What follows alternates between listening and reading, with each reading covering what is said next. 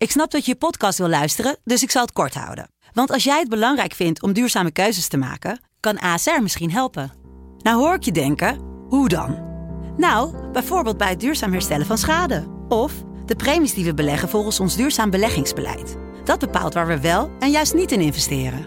Wil je meer weten over welke duurzame keuzes ASR maakt? Ga dan naar asr.nl/slash duurzame keuzes. ASR doet het. Zo, dan kan je nu lekker naar je podcast luisteren. Joost Klein is gonna represent the. Who the fuck is this guy? Joost Klein is een veelzijdig man. Rapper, muzikant, netwerker, stijlicoon, marketeer, wereldbestormer, schrijver. In de podcast Joost Klein 12 points belichten we het fenomeen Joost aan de hand van 12 punten. Joost Klein, doe de point. Joost de Klein 12 points. Kijk, ik begrijp de familie ook wel. En die hebben ook van alle kanten natuurlijk verhalen. Dat is ook logisch. Maar als ik, eh, eh, eh, goed, als ik dan wel vraag om een gesprek en zij, zij, zij, en ze, die weigert dat. Ja, dat, dat, dat denk ik ook bij mezelf van. Wat ben jij, wa- waarom doe je dit? Waarom? Wel met anderen praten. En niet met ons. Ik zie nog steeds dat het je zeer doet. Ja, echt. Je luistert naar de Kofferbakmoord.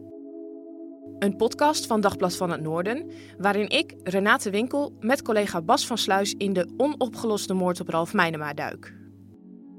Dit is aflevering 4, Open Wond.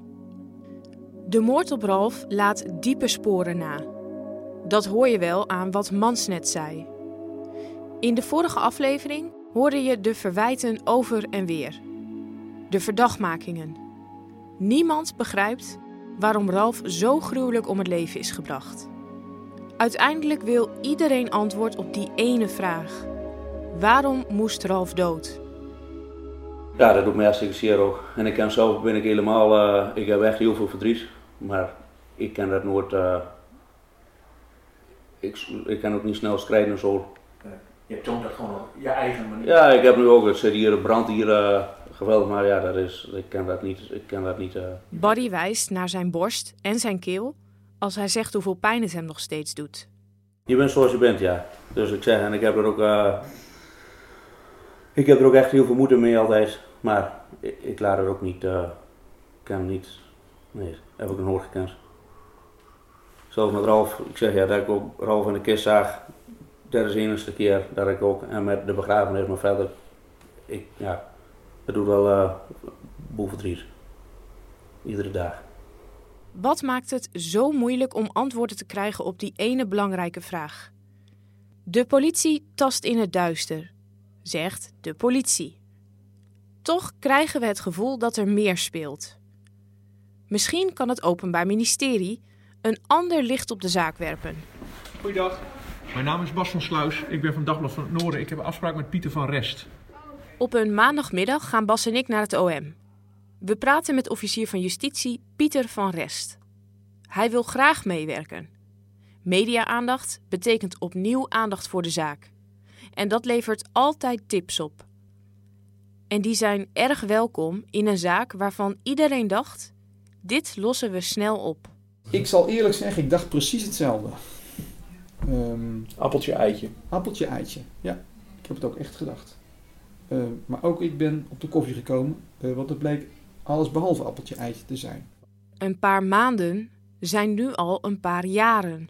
Kijk, als je kijkt naar het verleden van het slachtoffer, dan is dat, zou haast zeggen, aan de ene kant haast smetteloos. Ehm, ehm, er zijn geen concrete aanwijzingen dat hij zich met verkeerde zaken eh, bezig, eh, bezig hield. Ehm, terwijl de context van dit feit, nou ja, dat suggereert van alles. Ik bedoel, er moet iets aan de hand zijn geweest. Wat maakt deze zaak dan zo moeilijk? Nou, het- een van de lastige dingen in deze zaak is ehm, ehm, dat het in een omgeving plaatsvindt waarvan je, ehm, ik zou maar zeggen, weet tussen aanhalingstekens, weet het niet zeker, maar mensen moeten hiervan weten. Maar er wordt niks verteld. We hebben, we hebben verdachten aangehouden. En, en ja, de vraag is, zijn die nou wel betrokken? Zijn die nou niet betrokken? Nou, uiteindelijk zijn er eigenlijk geen mensen te vinden die ehm, eh, het verhaal kennen en dat ook willen vertellen. Iedereen houdt zijn mond. Dat is wat het onderzoek zo bemoeilijkt. Er zijn DNA-sporen gevonden, forensische sporen, telefoongegevens. Meer dan 160 getuigen hebben allemaal hun verhaal gedaan bij de politie. Maar de mensen die echt iets weten, die houden de kaken op elkaar. Iedereen houdt zijn mond, zo is het. En dat maakt het ontzettend lastig. Want meestal hebben ook in dit soort onderzoeken ehm, ehm, zijn er uiteindelijk wel getuigen te vinden die, die iets gezien hebben, die iets gehoord hebben, die ons verder kunnen helpen. Ehm, maar goed, in deze zaak is het zo dat we daar wel tegenaan lopen. Ehm, maar als je ziet di- dit slachtoffer achterin een kofferbak van een auto aangetroffen, eh, door geweld om het leven gebracht, ja, daar, moeten mensen iets van weten. Ik bedoel, Dat is, dat is in een context gebeurd, daar is, daar is veel meer, zeg maar. Dit is in een, in een, in een nou ja, ik noem het maar even, een loesje milieu wat, eh, wat dit gebeurt. Eh, ernstig geweld, proberen, zeg maar, het, het lichaam te verdonkeren maanden. eh, ehm, ehm, daar moeten aanknopingspunten zijn. Ik bedoel, eh, daar moeten mensen van weten. Ehm, en dat laatste, dat geloven we ook wel dat mensen van weten. Maar goed, eh, wat eh, bitter tegenvalt, is dat ze het tot op dit moment niet verteld hebben. Hoofdverdachte Hans O. is één van die mensen die niets loslaat over die avond. Uiteindelijk wil ook hij zelf niks zeggen over waar het over ging. Ja, ik, ik had contact met het uiteindelijke slachtoffer. Maar wat daar zeg maar, zich heeft afgespeeld en waarom dat contact er is geweest, dat doet het verhaal niet. Wat helder is, is dat het bijvoorbeeld geen vrienden waren. Ehm, eh, dus in die, in die, er is niet een dergelijke relatie tussen deze verdachte en het uiteindelijke slachtoffer. Eigenlijk zou je kunnen zeggen, waren het kennissen van kennissen. Dat is, dat is het verband eigenlijk tussen, tussen die twee. Ehm, en, en waarom er, zeg maar, nou ja, niet, niet lang voor het, het, het, het, hele gebeuren, zeg maar, contact is geweest. Ja, dat weet hij. Hij wil het niet vertellen. Hij, hij erkent wel dat er contact is geweest. Maar waarom? Dat vertelt hij niet. Hans O. zwijgt. Het is misschien wat naïef en we kunnen het antwoord op voorhand bijna uittekenen, maar we zijn ook journalisten. Hoor en wederhoor is een essentieel onderdeel van ons vak. We zoeken contact met de advocaat van Hans O., Nico Meijering. Een topadvocaat die in Amsterdam voor het prestigieuze advocatenkantoor Fiek en Partners werkt. We bellen, maar worden vriendelijk verzocht ons interviewverzoek te mailen. Geachte heer Meijering, mijn naam is Bas van Sluis en ik ben verslaggever. Uw cliënt is volgens de politie nog steeds verdachte in deze zaak. Binnen een uur hebben we antwoord. Wacht even.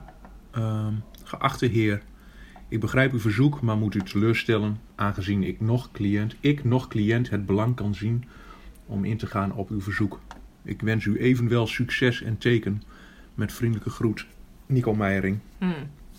Jammer. Ja, dat is wel shit. Oké, nou ja. Hadden we niet echt wat anders verwacht, toch? Nee, maar, ja, nou, maar ik vind het toch shit. Maar goed, ja. ja. Nee, heb je, ja kun je krijgen. We balen. O weet meer. Houdt misschien wel mensen de hand boven het hoofd. Dat zijn tenminste de verhalen die we horen. Terug bij af. Het blijft bij suggesties, geruchten. Het Openbaar Ministerie belooft de persoon met de gouden tip 15.000 euro. Ouders Wietse en Ingrid leggen daar uit eigen zak nog eens 50.000 euro extra bij.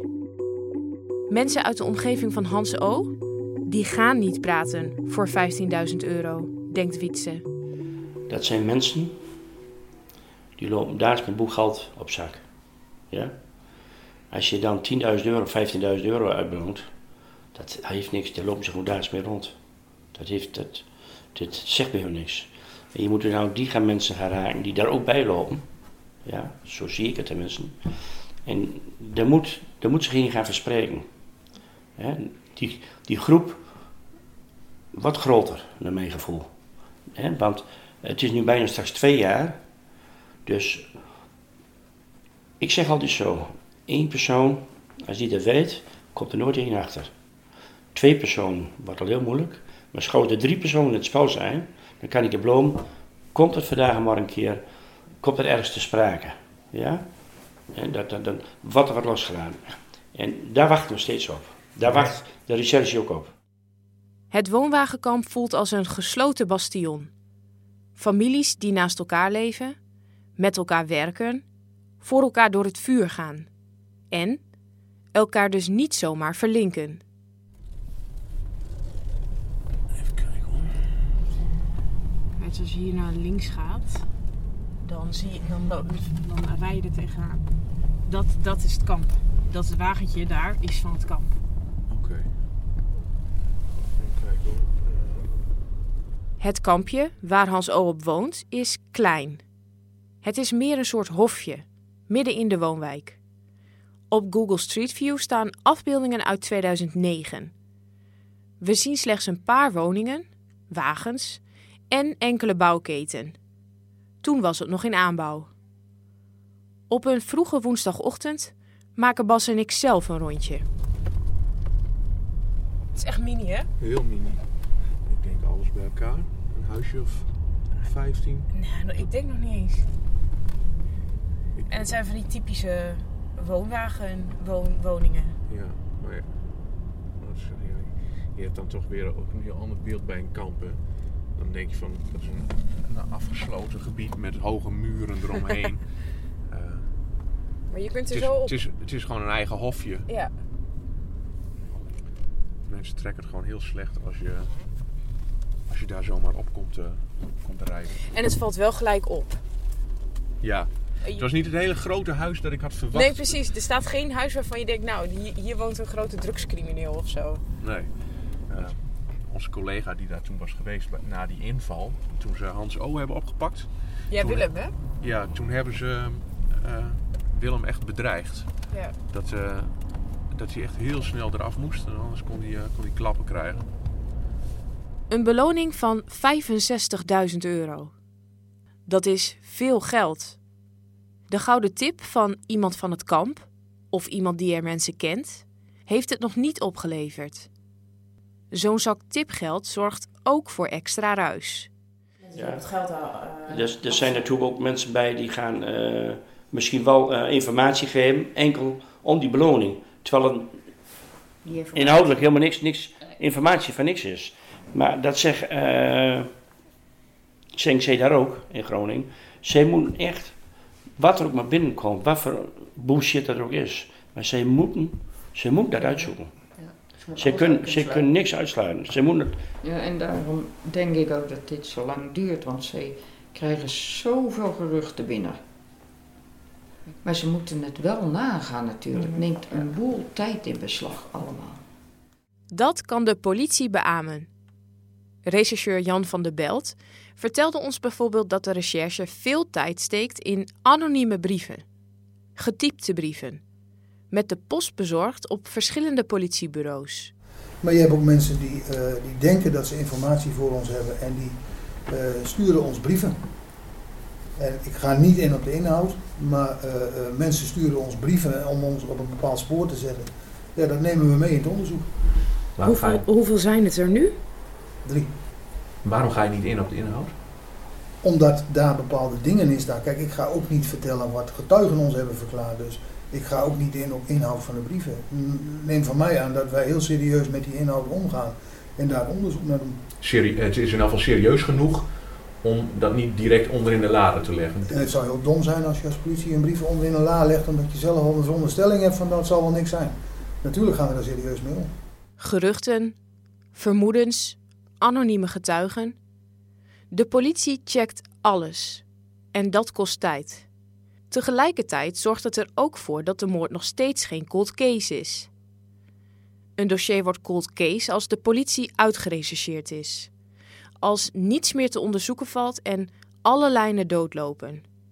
Aan de kofferbakmoord werken nog dagelijks rechercheurs, vertelt de officier van justitie ons. Als je, als je kijkt naar de persoon van, van dit slachtoffer. Ehm, ehm, jo- joviale vent en een aardige vent en een prima vent. En, eh, eh, nou, dat, dat is zeg maar het, het, het verhaal. Hè? Ehm, eh, en dat moet vooral volgens mij ook, eh, ook, ook, ook, ook aan de bovenkant van de medaille laten liggen. Maar let wel, hij is ook slachtoffer geworden van een heel ernstig strafbaar feit. Waarbij een, een context opdoemt van, nou ja, een wereld die eh, zeg maar aan de schimmige kant ligt. eh. Nou, en daar is die kennelijk ook mee, mee ergens verweven geraakt of in contact gekomen. Dat weten we niet precies. Hè? Dus dat dat er ook in zit, ja, is waarschijnlijk wel het geval. Maar het vervelende blijft vooralsnog ja, dat niemand dat verhaal vertelt. Wat is er nou aan de hand en waarom was die waar die was? Zou een doorbraak nabij zijn? Iemand die het stilzwijgen doorbreekt?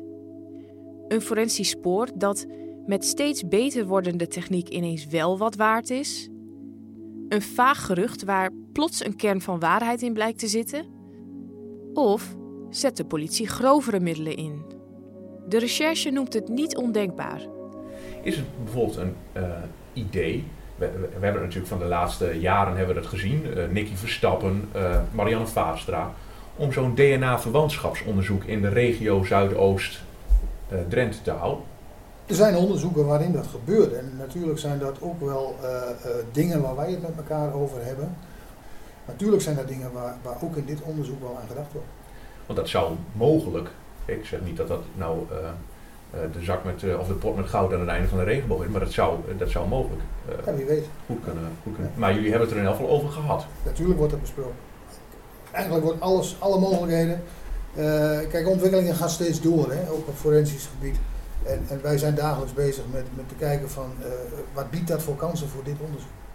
Na urenlange gesprekken met alle betrokkenen, wekenlang zelf connecties leggen, theorieën delen, zegt ons onderbuikgevoel dat het verhaal van de kofferbakmoord hier niet stopt. Wil je iets kwijt naar aanleiding van deze podcast? Mail ons dan. We zijn te bereiken op kofferbakmoord.dvhn.nl. Kofferbakmoord.dvhn.nl. Wij hopen op die doorbraak voor vrienden en familie. Al was het maar om die verstikkende onzekerheid bij Barry, Mans en ouders Wietse en Ingrid weg te nemen. Zo ervaar ik het. Als je niet daadwerkelijk hoort van degene die dit om handen heeft, blijf je toch de hoop houden dat hij weer komt. Want ik ken mij nog niet echt, echt inbeelden dat hij er niet meer is. Ik kan het mij niet inbeelden. Want ik hoor vaker van Ingrid, hij komt niet weer. En dan word ik verschrikkelijk kwaad. Want je hebt geen, geen bewijs dat het werkt. Ja, geen bewijs. Hoe moet ik het zeggen? Het is niet. Het, je kent je niet inbeelden. Je weet helemaal niet. Je We weet zullen nooit kunnen wie afsluiten. dat om handen gehad heeft. Ja. Dat hij. Dat hij er niet meer is. Maar dat, wat hier plaats heeft gevonden, Dat eh, dat mag nooit. eh, dat moet uitgezocht worden en dat moet, dat moet gewoon verbrecht worden. Dus dat moet opgelost worden. Zo simpel is het gewoon.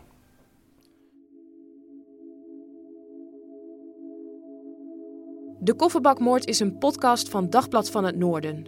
Door Renate Winkel en Bas van Sluis. De podcast kwam tot stand met hulp van Willem Dekker, Inkie de Jonge, Lieselotte Schuren en Alwin Wubs. Eindmontage Matthijs Mol.